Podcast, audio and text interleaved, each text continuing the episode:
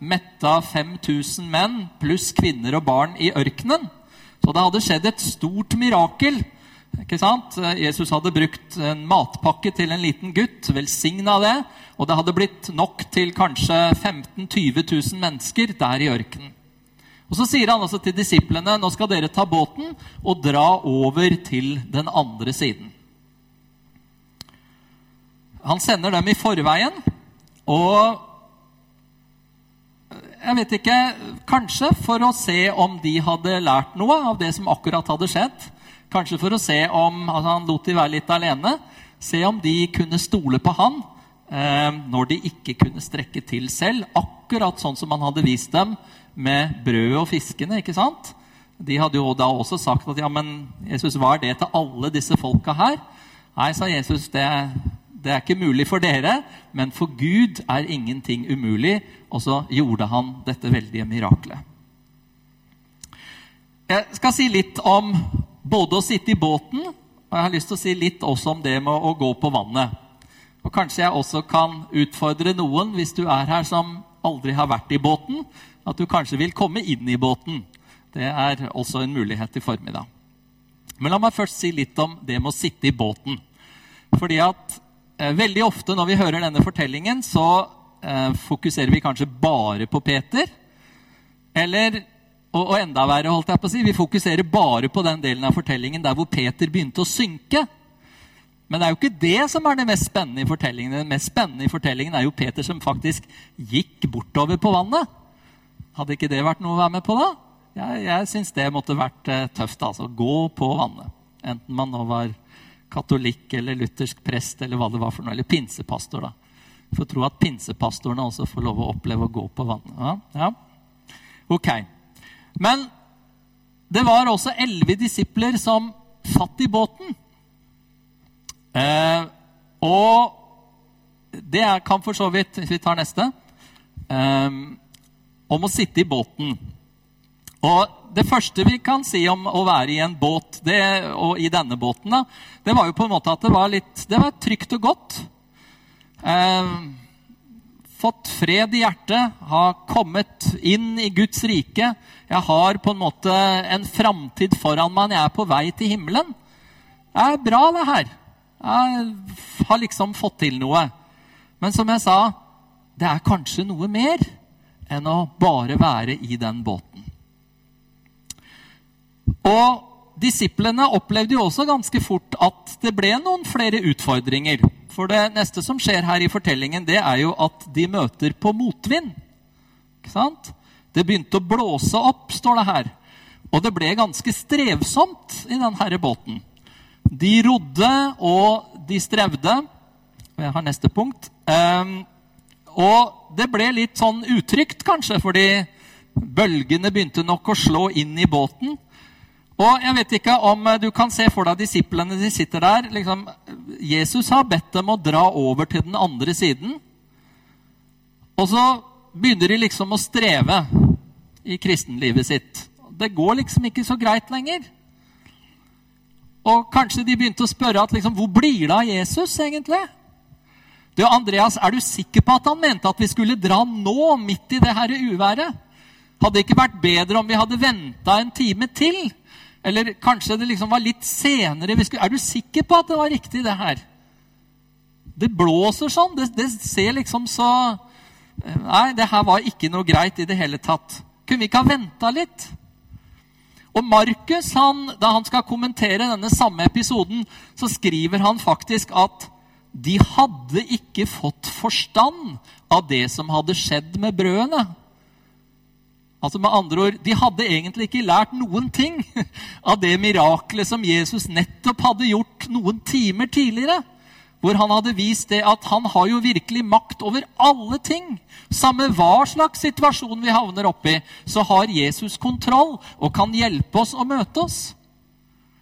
Men er det ikke typisk da, både for deg og meg også, at når vi kommer i situasjoner som er litt vanskelige eller litt strevsomme, så begynner vi å lure på liksom, ja, men Gud, hvor er du hen nå? Altså, Nå har jeg jo liksom blitt med på det her, Gud. Var det ikke meningen liksom, at jeg skulle seile sånn pent over da, til den andre siden og holdt jeg på å si, inn i solnedgangen, og det er liksom vakkert og pent og sånn. Nei, det er litt motvind av og til. Det kan være noen sånne ting som skjer. Og så gjelder det å glemme, og ikke glemme at Jesus er der med oss likevel. Jo, og hva er det som skjer her?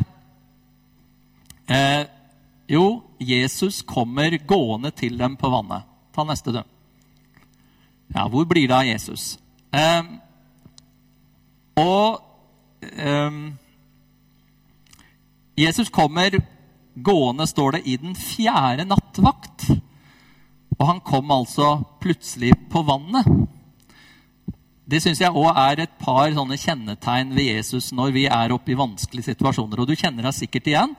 For det første at Jesus kommer på en helt annen måte enn du hadde tenkt deg. Og det andre det er at det ser aldri ut som han har det veldig travelt med å komme. Hvorfor kunne du ikke ha kommet litt før, Jesus? Nå har vi liksom rodd her så lenge. Men i den fjerde nattevakt, altså det er den siste nattevakten, den er liksom like før soloppgang, og lyset bryter fram, og alt lysner, liksom. Men da kom Jesus. Og kanskje vi liksom bare må lære oss å, forstå det at Gud kommer, men han kommer på sin måte, og han kommer i sin tid. Det gode er, hvis vi tenker oss om, at han kommer aldri for sent. Vi kan synes han kommer litt sent noen ganger, men han kommer aldri for sent. Og han kommer. Det er jo liksom det viktige poenget her. Og hva er det Jesus sier når han kommer? Jo, han sier, 'Vær ikke redd'. Vær ikke redd, sier han. Eh, du kan klikke litt fortere videre. Eh, fordi både disiplene og vi blir jo gjerne redde, gjør vi ikke det? Når det blåser, når ting er litt vanskelig. Og Derfor sier Jesus til disiplene her, og han sier det til oss, og han sier det mange ganger gjennom hele Bibelen Vær ikke redd. Han sier det faktisk Eller noen har telt opp og sier at i Bibelen så gjentas det 300 66 ganger. Det betyr én gang for hver dag i året. Så sier Jesus, 'Vær ikke redd'. Og han har til og med husket på skuddåret. At det er liksom sagt en ekstra gang, så det er med den, den ekstra dagen da. Vær ikke redd. Frykt ikke. Og hva er, hva er det han vil si oss med det? Jo, du skjønner, altfor ofte så er det frykt som holder oss tilbake i den båten. Og holder oss tilbake fra å oppleve å gå på vannet, oppleve å ta nye steg sammen med Herren. Og Derfor er det han taler til oss igjen og igjen og sier, 'Vær ikke redd'. Se på meg isteden. Jeg har kontroll i denne situasjonen. Det er noe mer som du kan gå inn i. For du skjønner, Gud vil at vi, sånn som Peter, også skal oppleve å få gå på vannet. Og som jeg skal si litt mer om om et øyeblikk. Altså med andre ord oppleve noe av det overnaturlige som han har for oss i det kristne livet. Han vil at du og jeg skal ta et skritt i tro. Men altfor ofte så tenker vi litt sånn Ja, og jeg bør ikke gå lenger enn til meg sjøl. Liksom. Ja, men hva vil andre si da? Hva, hva om det ikke lykkes? Det der virker jo helt uansvarlig. Du kan ikke mene det, liksom, at du skal gjøre det. Eller har Gud virkelig sagt? Det er helt tilbake til fra Edens hage. Djevelen har akkurat de samme tingene som han kommer med i dag også, noen tusen år seinere? Er du sikker på at det der er Gud, da, liksom? Skal du virkelig gjøre det? Men tenk om vi oftere skulle høre på Vær ikke redd. Jeg har kontroll, Arne. Kom igjen.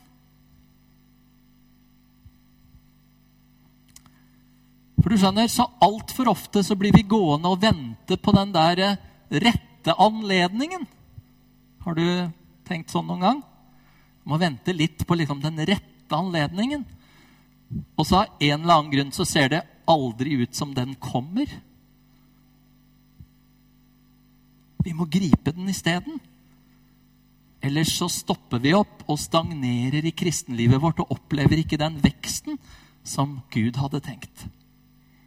Jeg har en liten historie som, eh, og en, et bilde her som kan illustrere det litt. Her ser dere et bilde av eh, Jeg holdt på å si mitt, men det er vårt nå, da.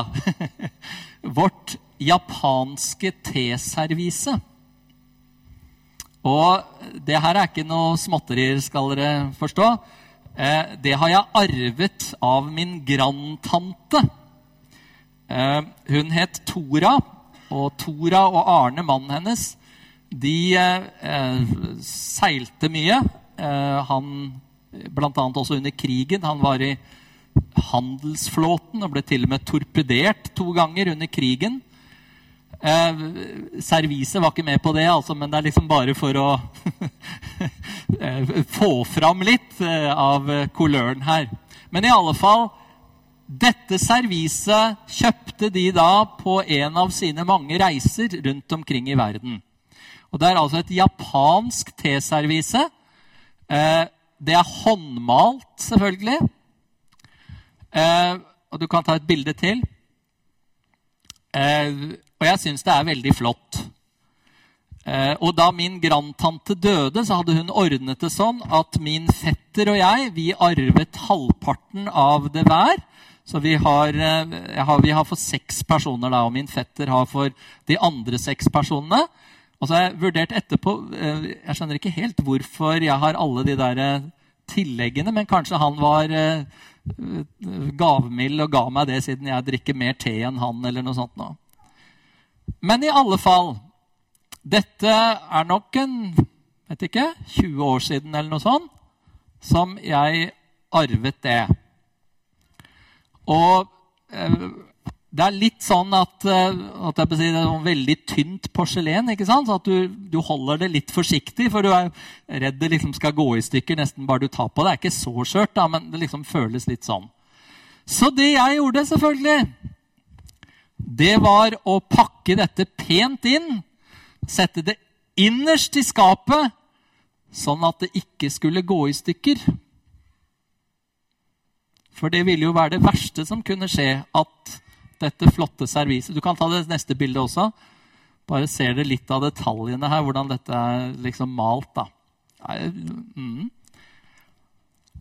Men i nesten 20 år så har vi altså hatt det her innerst i et skap i stua, sånn at det ikke skulle gå i stykker.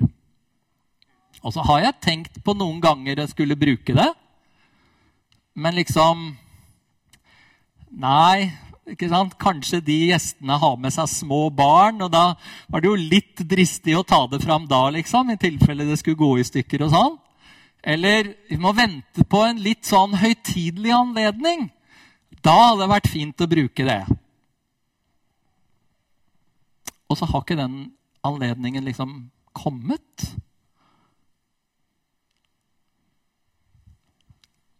Til slutt så har jeg våknet litt, og han Ortberg hjalp meg. For han hadde en lignende historie nemlig, med en sånn servise han hadde også. Så fant jeg ut at jeg kunne fortelle om mitt, og ikke om hans. Eh, så Lisbeth, da vi liksom fikk et nytt skap i stua, så fikk hun overtalt meg til at ja, kan vi ikke liksom hvert fall sette det inn der, så syns det i hvert fall sånn med glass sånn glasskap og sånn, så det er kommet dit. Og vi har fått brukt det én gang, tror jeg. Var det i fjor? eller noe sånt? Det, det var en høytidelig anledning.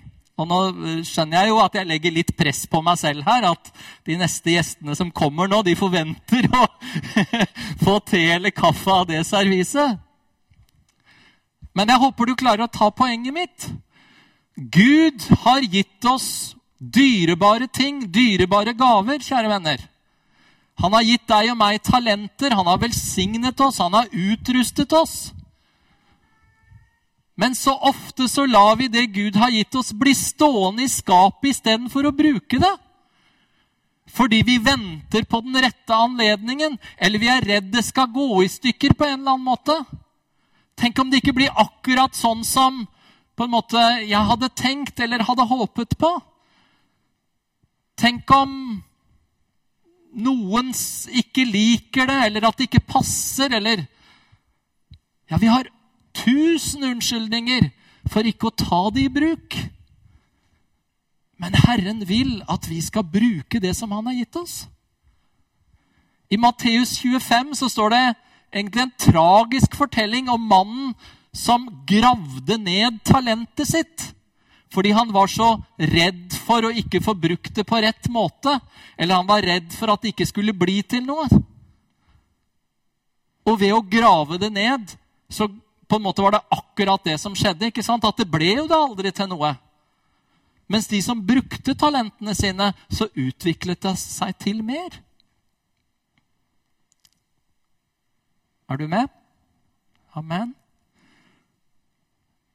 Og jeg prøvde å liksom male litt sånn med bred pensel her om dette fine serviset. Men vet du Ja, og jeg tror jeg hadde sånn delvis mareritt litt i natt nå når vi skulle flytte, om at jeg liksom mista det i flyttekassa eller et eller annet sånt. Så det er rart hva man begynner å tenke. Det hadde jo i hvert fall vært liksom håpløst, da. Hvis, hvis jeg ikke hadde fått bruk, hatt noe glede av det. liksom Bare, bare mista det idet vi skulle flytte.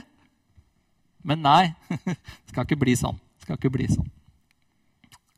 Men la oss bruke det som Gud har gitt oss. La oss ta det fram. Det han har gitt, er så mye, mye mer verdt. Og Hvis det der er håndmalt og pent og litt sånn gulldekor og sånt noe, tenk hva Gud har gjort for deg og meg, da. Tenk hva han har investert i våre liv. Det er helt um, ubetalelig. Det går ikke an å sette noe pris på det. Ok, la meg komme til å gå på vannet.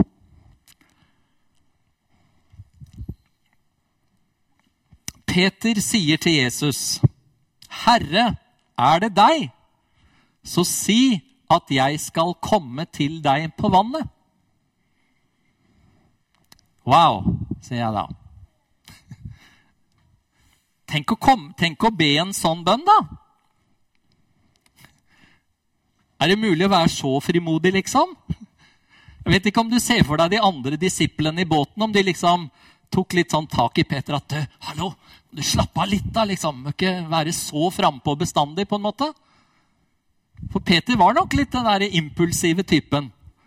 Her, her har de vært liv redde, og så kommer liksom Jesus til slutt gående bortover vannet til dem. Og, og de tror først at det er et gjenferd, og så liksom får Peter seg til å si at hvis det er deg, Jesus, så si at jeg skal komme til deg på vannet, da!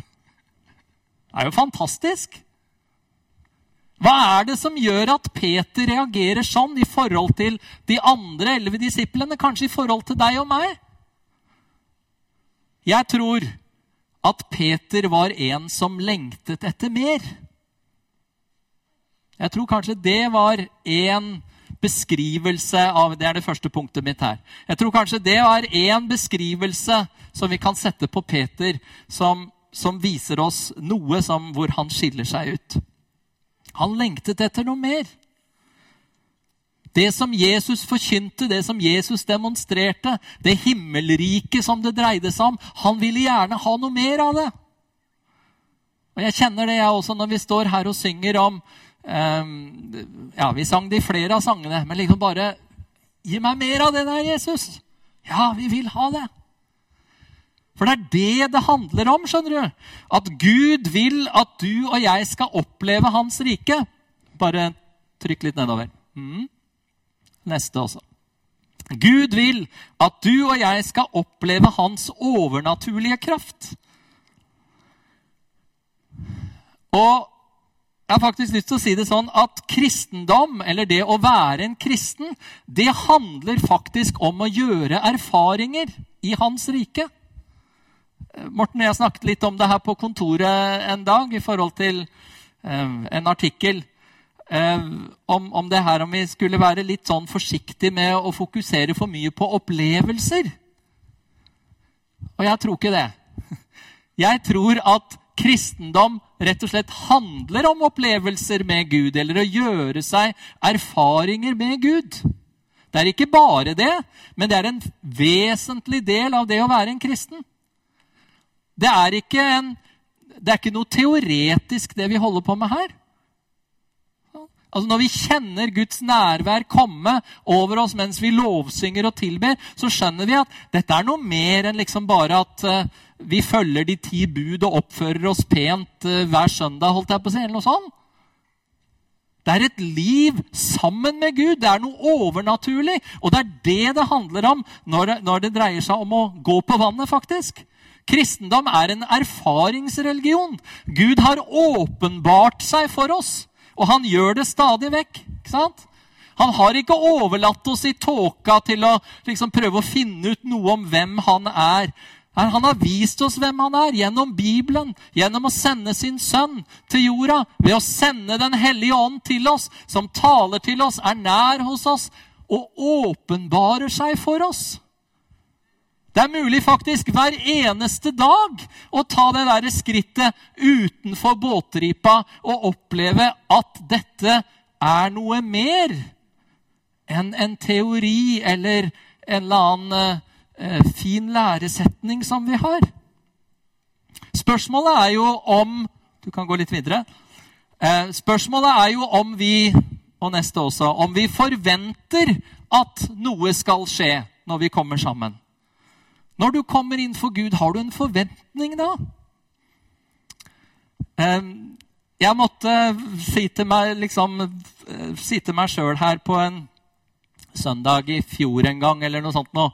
Jeg sto under lovsangen her og tilba Herren, og tårene rant og, og sånn. altså liksom, Uff, jeg hadde visst ikke med meg noe sånn papirlommetørkle i dag. Så måtte jeg si til meg sjøl Noe så urutt, liksom.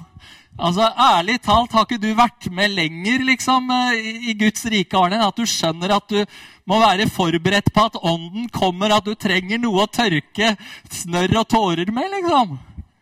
Ja, for vi har vel forventning om det når vi kommer sammen på gudstjeneste på søndag, at Herren vil møte oss. Ikke sant? Når lovsangerne stiller seg fram her og synger og øver, så er det fordi de forventer at Guds ånd skal komme når vi tilber Herren. Halleluja! Og da må vi jo være forberedt på det. Når Morten eller noen andre stiller seg fram for å forkynne Guds ord, så vil jeg ha forventning om at Herren vil tale til meg. Fordi han ser min situasjon. Han vet hvem jeg er. Og selv om Morten eller en annen taler ikke vet akkurat min, hva jeg står oppi da, så har jeg tiltro til at Herren kan bruke den som stiller seg fram her, til å tale rett inn i mitt liv og mitt hjerte. Vi kan ikke ha forventning om noe mindre enn det. Nei, ikke sant? Når, når, du og jeg kommer inn for Herren hjemme eller i bilen eller hvor vi er, for å tilbe Han eller å be, så har vi forventning om at Han vil møte oss. ikke sant? Fordi det er en overnaturlig Gud vi tjener. Fordi det er et overnaturlig liv. Ja, det handler om å gå på vannet. Amen. Amen. Halleluja. Ja, nå begynner jeg å bli varm her. Ja. Ta neste, er du snill. Det handler om en usynlig Gud. Og det verset her syns jeg er eh, fantastisk. Uh, speed opp litt, ser jeg. Vi tror på en Gud som vi ikke kan se. Har du tenkt på det av og til? Men likevel så merker vi hans nærvær, og vi merker hans glede. Hør hva det står her i 1. Peter. Ham elsker dere enda dere ikke har sett ham. Ham tror dere på, enda dere nå ikke ser ham. Det er jo litt spesielt. Noen vil si vi er litt rare, til og med. Ikke sant? Går han det, da? Ja. Og dere jubler og er fylt av en glede så herlig at den ikke kan rommes i ord. For dere når troens mål, frelse for sjelene. Sånn er den usynlige Gud som vi tjener. Men Bibelen sier at du må bli født på ny for å oppleve det. Det er en, en, overgang fra det naturlige og inn i en åndelig verden som Bibelen kaller for Guds rike. Det er der vi første gang kommer inn i båten, for å si det sånn. Og er du her i formiddag og ikke kjenner Jesus, så kan du få oppleve det i dag. Det at han som vi ikke kan se, likevel kan fylle deg med en glede så herlig at den ikke kan rommes i ord. Ja, du vil møte motvind også, sånn som vi har snakket om. Det vil være problemer også i den der seilasen din i denne båten. Men Jesus vil være der bestandig. Og har du ikke opplevd det, så ja, da, da er det, denne gudstjenesten virkelig for deg. Det er det største miraklet. Det er virkelig å gå på vannet hvis, hvis du ikke har opplevd det. Men denne usynlige Gud må ta med raskt det også. Vi tar neste. Han svarer på bønn. Og jeg syns det er fantastisk den fortellingen i apostelgjerningene 10 om Kornelius og Peter. Bare fortelle bitte litt rundt, så ser dere skrift, eh, litt utdrag eh, bak her. Kornelius var altså en romersk offiser. Og han ga gaver til synagogen. Og det står også at han ber. Men han hadde ikke opplevd ennå det der med å bli født på ny. Så derfor så sender Gud en engel til Kornelius. Det var liksom sterkeste måten han kunne tale til ham på. Og sier Gud har hørt, eller dine bønner og almisser har steget opp til Gud.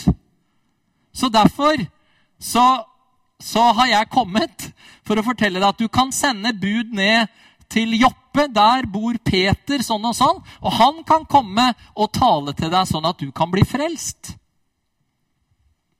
Den Gud som vi ikke ser, svarer på bønn. Og så på Peters side det var nesten en litt større jobb Gud måtte gjøre der for å overbevise han om at han skulle gå. Men for å ikke ta alt sammen, så er i hvert fall poenget her at altså Peter fikk et syn. Og så står det mens han enda tenkte på det, så sa ånden Har du opplevd det? Den hellige ånd sier noe til deg, gir deg tanker. Gud kommer til deg og taler til deg når du ber. Vet du, Dette handler også om det overnaturlige livet å gå på vannet sammen med Jesus. Det funker faktisk. Det er noe mer. Halleluja. Denne usynlige Gud som vi tjener, både hører, og han svarer på bønn. Vi tar neste. Og han er alltid nær oss. Fantastisk her i Romerne 8. For som jeg sa, vi opplever også at det stormer. Og, og eh, noen opplever for tiden at det stormer ekstra. Og hør hva Herren sier til oss. Jeg er viss på at verken eller det er Paulus som skriver her, jeg er viss på at verken død eller liv, verken engler eller krefter, verken det som nå er eller det som kommer, eller noen makt, verken det som er i det høye eller i det dype, eller noen annen skapning, skal kunne skille oss fra Guds kjærlighet i Kristus Jesus, vår Herre. Uansett hvor du er hen ute på den derre sjøen, vær sikker på at ingenting kan skille deg fra Jesus og fra hans kjærlighet og fra hans hjelp. Halleluja. Og til slutt Å vandre med Jesus, å vandre, gå på vannet, handler hvis du tar neste, handler også egentlig om det med å leve i ånden. Jesus lovte oss at vi skulle få kraft når Den hellige ånd kom til oss. Og vi kunne også få oppleve det her med å bli fylt av Den hellige ånd og tale i tunger. Jeg må bare si fort her, da. En del av dere som kjenner meg, vet jo at jeg er, er eller var språklærer. Og underviste i engelsk og tysk. Og hvis jeg hadde noen gang sagt til elevene mine at i dag så kan dere bare åpne munnen, og så snakker dere perfekt tysk. Dere kan godt bruke noen ord dere ikke har lært. Og vær ikke bekymret for grammatikken eller uttalen. Det kommer til å fungere perfekt idet du åpner munnen. Jeg vet ikke, altså Om de ikke hadde trodd jeg var rar, så hadde de i hvert fall tenkt det da. Men har du tenkt over at det er faktisk det som skjer hver gang du taler i tunger? Det er et stort språkmirakel, enten du nå taler et språk som andre mennesker kan forstå, eller som bare Gud kan forstå. Vi tar et lite skritt på vannet. Har, hvis du har opplevd det, så har du begynt å venne deg til det der at ja, det går an å tale et annet språk enn det jeg har lært, og det jeg kan. Og det funker. Og så, skjønner du og Dette skal vi ha litt fokus på utover våren, både gjennom betjeningsmøter og i life-grupper osv. Så, videre. så hvis du ikke er med ennå, må du skynde deg der, sånn at du får med deg det temaet. når vi kommer til det. Men at vi ønsker å se da også at vi kanskje tar noen nye skritt ut i andre åndens gaver som Herren ønsker å bruke oss til. For det fungerer egentlig akkurat på samme måten. Du må gjøre det lille du kan, eller ikke kan, egentlig. Og så er du avhengig av at Gud gjør resten. Det er jo egentlig fantastisk at det kan funke sånn i Guds rike. At vi kan gjøre det vi ikke kan, og så er det Gud som liksom gjør miraklet. Men det handler om å gå på vannet. Det handler om å gjøre det som Gud kaller oss til å gjøre. Halleluja. Jeg har bare tre utfordringer til dere til slutt. Kanskje dere vil komme og uh, gjøre dere klare. Å gå på vannet kan for det første, som jeg sa, handle om rett og slett det med å bli født på nytt. Det å komme inn i båten sammen med Jesus. Det å få det nye livet inni seg. Og ja, det er her. Det er innen rekkevidde her i dag. Det kan handle om dette med åndsdåp og tungetale, men kanskje også ta et skritt videre i forhold til det. Og sist, men ikke minst, så kan det også handle om at vi er lydige og bruker det talentet som Gud har gitt oss. Enten det nå er et japansk teservise eller det er noe annet fint.